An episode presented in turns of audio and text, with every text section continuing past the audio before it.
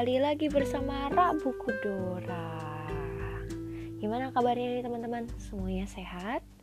Aku doain semuanya sehat-sehat aja dan bisa kembali beraktivitas seperti semula ini semua karena berkat pertolongan Tuhan ya. Wah, walaupun belum semula banget sih judulnya new normal. Cuman kayaknya ini kondisinya pada bablas kayaknya ya. Jadi kayak kerumunannya banyak banget dan bisa diistilahkan dengan abnormal jadinya ya. Canda bercanda bercanda. Back to laptop. Hari ini kita akan membahas tentang bab 5 wanita yang penuh dengan pengabdian. Sebelumnya di bab selanjutnya kita membahas dengan tentang wanita penuh dengan kebajikan. Bagaimana menjadi mutiara yang indah meskipun ada banyak cobaan yang menerpa tapi tetap menjadi mutiara yang indah dan merelakan diri untuk dibentuk menjadi mutiara indah itu. Nah, kali ini kita akan belajar tentang wanita yang penuh pengabdian. Sebenarnya kita mesti mengabdi untuk apa sih? Mesti mengabdi ke siapa sih? Mesti mengabdi uh, kepada apa gitu loh. Nah, kita akan bahas. Tapi sebelumnya aku akan buka dengan sebuah puisi. Cile puisi Judulnya adalah Hadiah Lajang A Gift of Being Single. Hmm, kita dengar sama-sama ya.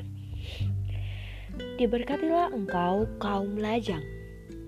Jangan bicarakan khawatir atau kutuk.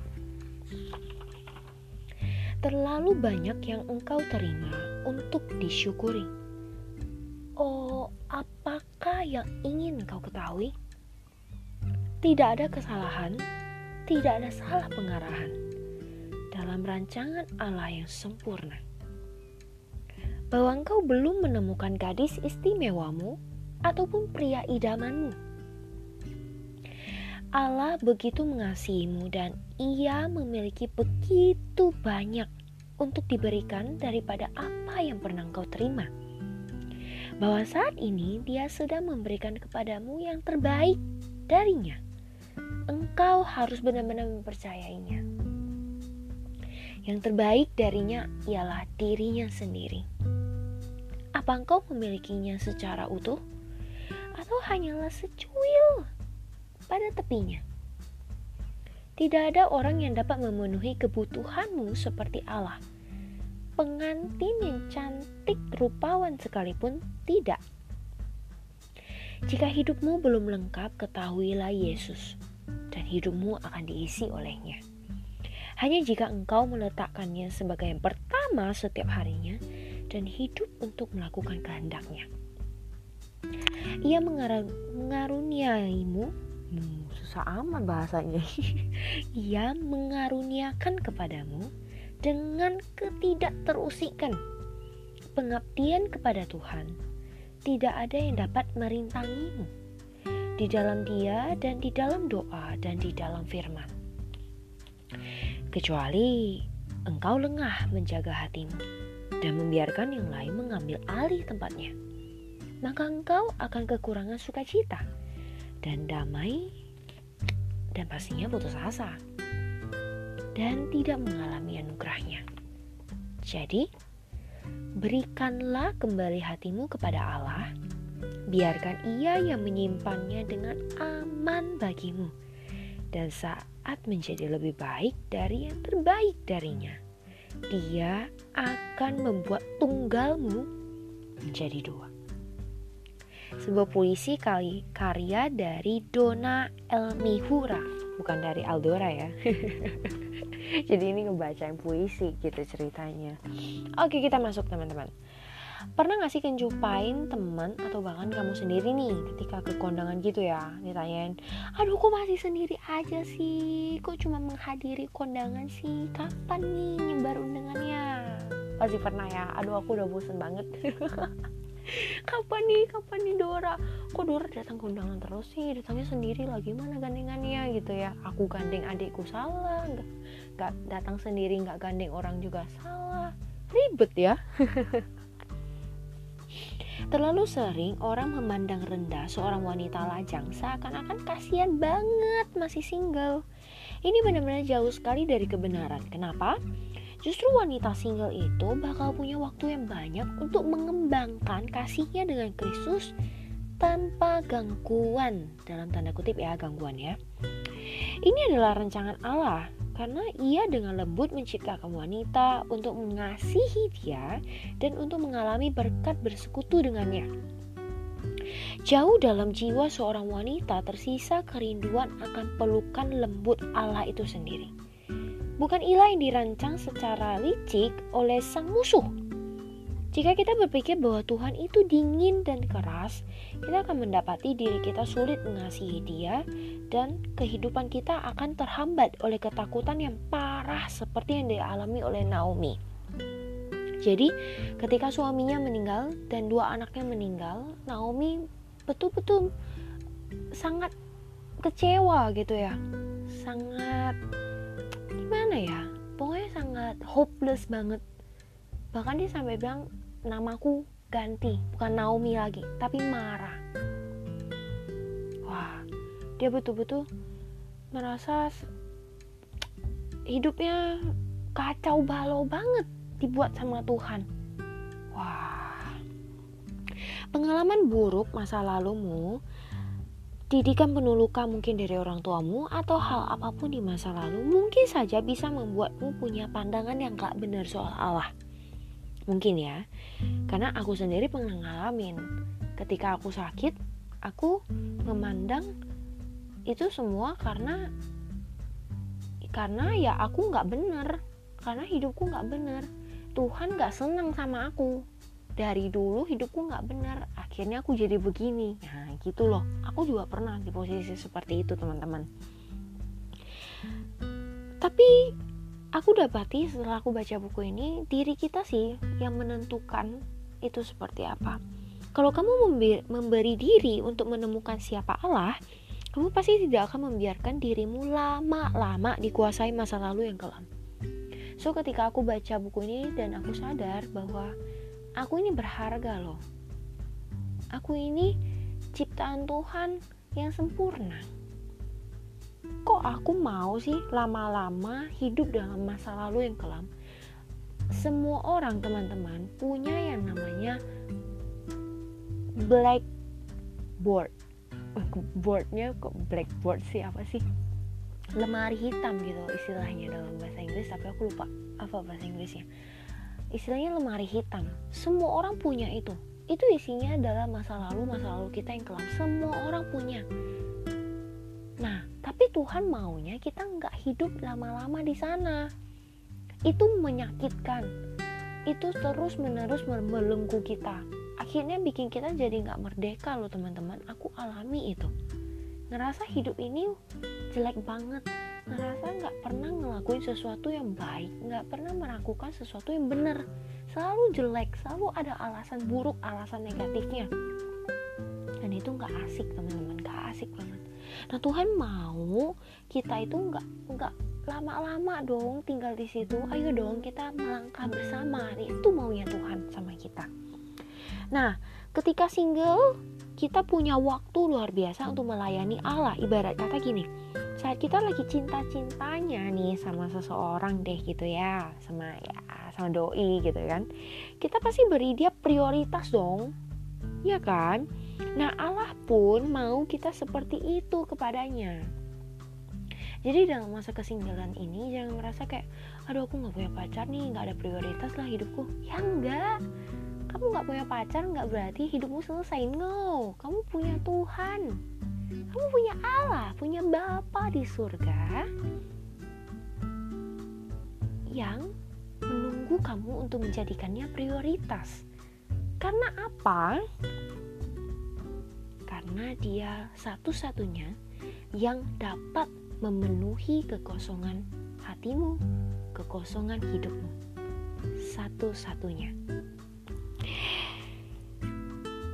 Allah mau kita mencintai Dia dengan segenap hati, segenap jiwa, dan segenap kekuatan kita. Itu adalah pengabdian yang utuh. Itu adalah pengabdian yang sejati, teman-teman. Kenapa sih, Dor? Kenapa perlu mengabdi kepada Tuhan? Kenapa? Karena gini loh, ini fenomenal banget ya. sekarang banyak banget wanita yang mengabdikan diri berlebihan pada cinta secara duniawi dengan pasangan ya gitu ya bukan pada Tuhan hey girls Cinta sejati hanya dapat ditemukan dalam pengabdian yang tidak teralihkan kepada Kristus Yesus. Kali lagi aku ulangi ya. Cinta sejati hanya dapat ditemukan dalam pengabdian yang tidak teralihkan kepada Kristus Yesus. So, gimana? Kenalilah dia dengan dalam. Kenalilah dia dengan intim, dengan sungguh-sungguh, dengan murni. Maka kita akan temukan sang kekasih jiwa yang sejati yang tidak akan pernah mengecewakanmu. Seperti aku bilang tadi ya, yang memenuhi ruang kosong dalam hidupmu, dalam hatimu. Dulu aku pernah nyanyi lagu sekolah minggu ya cuy lagunya begini kalau aku nggak salah-salah ingat ya udah lama banget hidup tanpa Yesus seperti donat seperti donat seperti donat hidup tanpa Yesus. Seperti donat sebab ada lubang di dalam hatimu. Nah itu tempatnya Yesus Gak bisa kamu isi dengan pacarmu. Gak bisa kamu isi dengan suamimu. No, gak bisa. Diisi dengan pasangan-pasangan duniawi. No, gak bisa. Itu hanya bisa diisi oleh Yesus. Gak bisa diisi dengan orang tuamu. Tidak bisa diisi dengan anakmu. Itu tempat Yesus.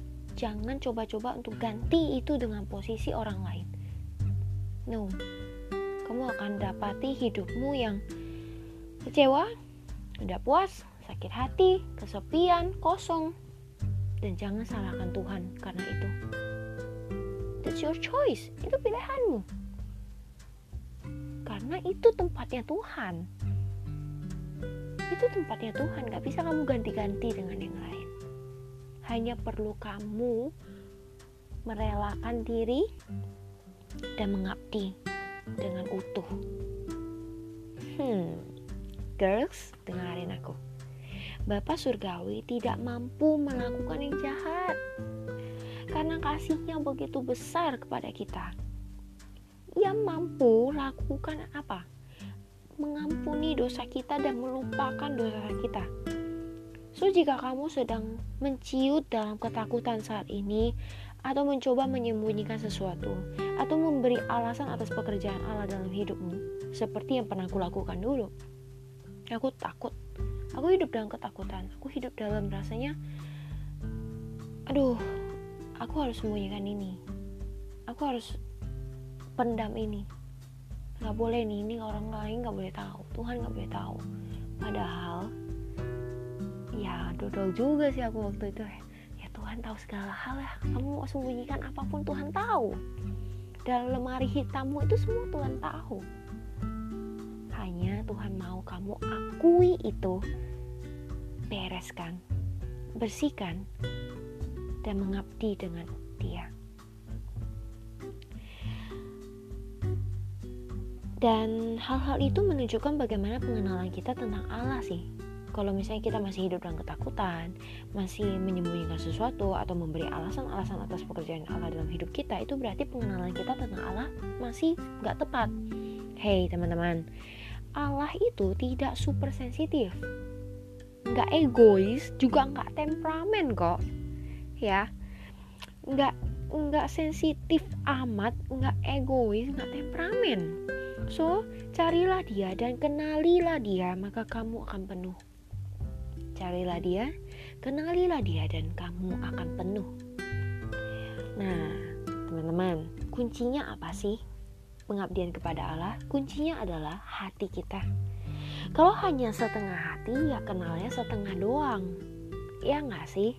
Kamu mau mau setengah tapi maunya full, dapatnya full, ya nggak bisa. Kamu hatinya cuma seperempat kasihnya kepada Allah, mengabdinya kepada Allah cuma seperempat. Tapi kamu maunya full, ya nggak bisa. Seperempat ya dapat seperempat. Kalau full, utuhlah pengenalanmu akan dia itu artinya kamu menyerahkan hatimu kepada Kristus. Itu artinya kamu nggak nggak apa ya gak bebas memberikannya kepada orang lain. Kepada hal-hal yang muncul dalam kehidupan kita. Itu artinya kamu udah menyerahkan utuh kepada Tuhan. Nih Tuhan aku serahin utuh. Terserah kamu ngapain. Itu loh teman-teman. Ini aku kasih satu contoh ya. Kaki kita dua bener ya kakinya dua. Tapi nggak bisa menginjak pada dua kapal yang berbeda. Meski kakinya dua tubuhnya satu teman-teman. Kamu menginjak kapal dua yang berbeda satu mau ke kiri satu mau ke kanan.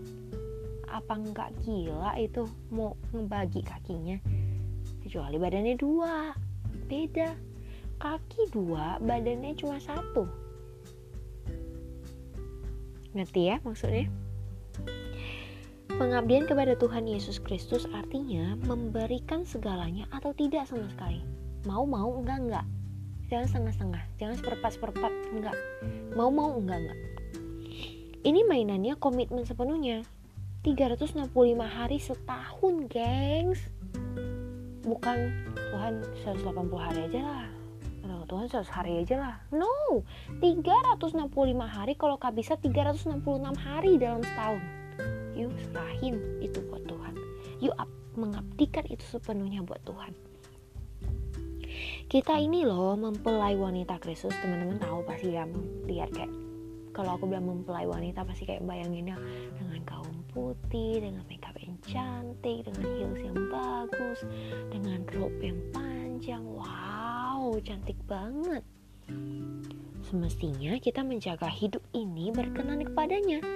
Jikalau ada noda dosa yang menodai hatimu, istilahnya kayak menodai gaunmu nih, gitu. Ada pengantin nih, gaunnya kan kena noda coklat nih. Kamu pasti bersihin dong setengah mati biar kata itu acaranya bentar mulai. Kamu pasti ya ampun nih gimana nih? Aku masih bersihin dulu masa aku tampilnya ada noda coklat di gaunku? Iya kan? Nah sama juga dengan kita mengabdikan diri sepenuhnya pada Allah jangan hidup di dalamnya dan mengabdi pada yang salah ketemu cowok aja nih kayak tadi aku bilang nih ketemu cowok aja kalau baju kita kena noda coklat, langsung panik, auto ngebersihin. Lah, kok sama Allah pencipta rela banget sih kita kotor-kotoran di lumpur dosa? Ayo, kalau ada noda dosa di hatimu, kalau lemari hitammu itu masih terus menarikmu untuk masuk, ayo, saatnya kita akui dan bersihkan. Bereskan itu semua bersama-sama dengan Allah dan mulailah langkah hidup yang tepat bersamanya. Gengs, Allah itu bukan kayak kartu kredit ya. Tahu kartu kredit ya? Gak bisa tuh Allah digituin, gak bisa. Allah tahu motivasimu. Allah tahu motivasimu. So carilah dia dengan benar dan murni. Jangan main-main Jangan ada maunya aja kamu baru cari Allah. Ada maunya aja kamu baru mengabdikan diri sepenuhnya pada Allah. Carilah dia karena siapa dia. Bukan sekedar apa yang dapat dia lakukan buat kamu. Ingat ya, carilah dia karena siapa dia. Bukan sekedar apa yang dapat dia lakukan untuk kamu. Dengarkan dan pikirkan apa yang akan Dora katakan ini. Keadaan lajang bukanlah kutukan. It's not a curse. Camkan baik-baik. Keadaan lajang meletakkan kita dalam posisi yang menguntungkan. Kenapa? Karena hampir pasti kamu punya waktu mencari Allah sekarang daripada di waktu-waktu mendatang ketika kamu sudah bertemu dengan pasanganmu yang tepat. Kenapa? Ketika wanita yang sudah menikah, mereka merindukan waktu-waktu untuk sendiri, untuk betul-betul melayani Tuhan segala macam. Dan well, kita punya itu. Kita sebagai single kita punya waktu itu, so pakai itu sebelum waktu itu masa itu habis. Nah, itu dia. Nah, teman-teman, satu kalimat penutup. Bukan kalimat sih pertanyaan sih lebih tepatnya. Ya mirip-mirip pernyataan lah. Apa sih? Ini apakah kamu akan menjadi kedinginan dan pahit di pinggir jendela karena kesinggelanmu atau justru kamu memilih untuk mengangkat kepalamu berkilau dalam kasih Bapa di dalam masa kesinggelanmu pilihan di tanganmu. Aku ulangi ya. Apakah kamu akan menjadi kedinginan dan pahit di pinggir jendela karena kesinggelanmu? Atau justru kamu memilih untuk mengangkat kepalamu, berkilau dalam kasih Bapa dalam masa kesinggelanmu ini? Pilihan ada di tanganmu. Oke, demikian pembahasan kita di bab kelima dengan judul wanita yang penuh dengan pengabdian. Terima kasih buat teman-teman yang setia mendengarkan podcast Rak Buku Dora. Mohon maaf apabila ada kata-kata yang menyinggung hati. Mohon maaf ada apabila ada kata-kata yang tidak berkenan. Dora dengan tulus hati meminta maaf kepada kamu. Tapi kamu belajar, aku juga belajar. Kiranya podcast ini boleh jadi berkat buat kamu tetap semangat dalam masa kesinggelan ini. Ingat, kita tidak berjalan sendiri. Oke, aku akan kasih tahu di bab selanjutnya, bab ke-6 kita akan belajar tentang wanita yang murni. Seperti apakah wanita yang murni? Nantikan di bab ke-6 ya, teman-teman semuanya. Thank you yang sudah dengerin podcast Dora pada kali ini. Stay safe everybody, stay healthy dan tetap berdoa supaya kondisi segera membaik kita bisa beraktivitas seperti semula lagi dengan baik juga dan ya aku doakan kamu selalu jadi berkat di mana pun kamu berada. Sampai jumpa. Bye. Tuhan Yesus memberkati